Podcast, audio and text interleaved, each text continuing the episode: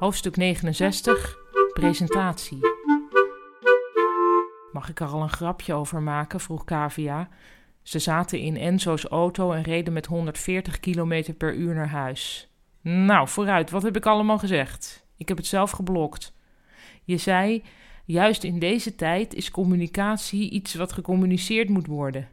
Jezus, wat verschrikkelijk. Enzo keek gepijnigd. Zijn presentatie was een lijdensweg geweest. Kavia had geprobeerd zich te concentreren op de schrootjes tegen de wand en op de beige plavuizen, maar toch had ze Stella luid door haar neus horen ademen. En Ruud had, luid en duidelijk tegen een controller van het moederconcern gefluisterd: lekker professioneel. Het was, kort gezegd, niet Enzo's finest hour.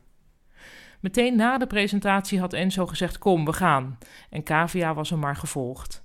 Eigenlijk hadden ze nog een halve heidag voor de boeg en nog een borrel en een overnachting ook, maar nu reden ze ineens over de snelweg met het dakraampje open.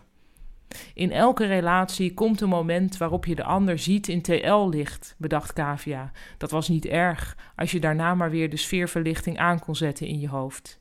Haar ex Rogier had ze een keer een tentharing de grond in zien stampen, waardoor hij zijn middenvoetsbeentje brak. Hij was met aanstellerig gejammer de camping overgehinkt. Nog een wonder dat ze daarna bij hem was gebleven, net zolang tot hij haar aan de kant had gezet, nu twee jaar geleden. Kavia keek opzij. Enzo kon wat haar betreft duizend gênante presentaties geven. Of toch in ieder geval honderd.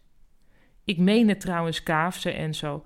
Moeten we niet het roer omgooien, gewoon radicaal iets heel anders gaan doen?